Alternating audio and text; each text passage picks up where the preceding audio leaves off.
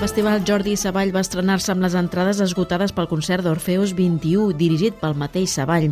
El conjunt, format per músics refugiats de diferents països del món, van oferir un repertori mesclant músiques d'Orient i Occident amb una proposta intercultural. Ha estat una primera actuació amb la qual es volia homenatjar totes les víctimes de la pandèmia i les persones que han patit els darrers mesos.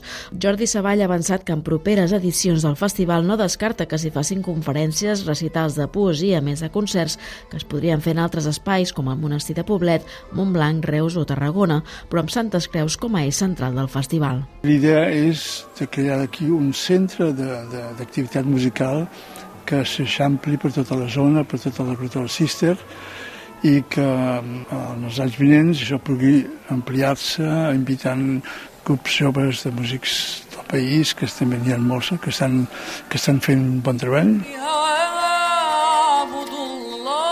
El d'Orfeus 21 ha estat el primer dels cinc concerts que s'han programat fins diumenge.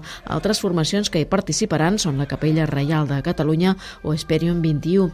Savall vol que aquest festival sigui el seu llegat per preservar la música antiga que ha anat recuperant durant els últims 50 anys.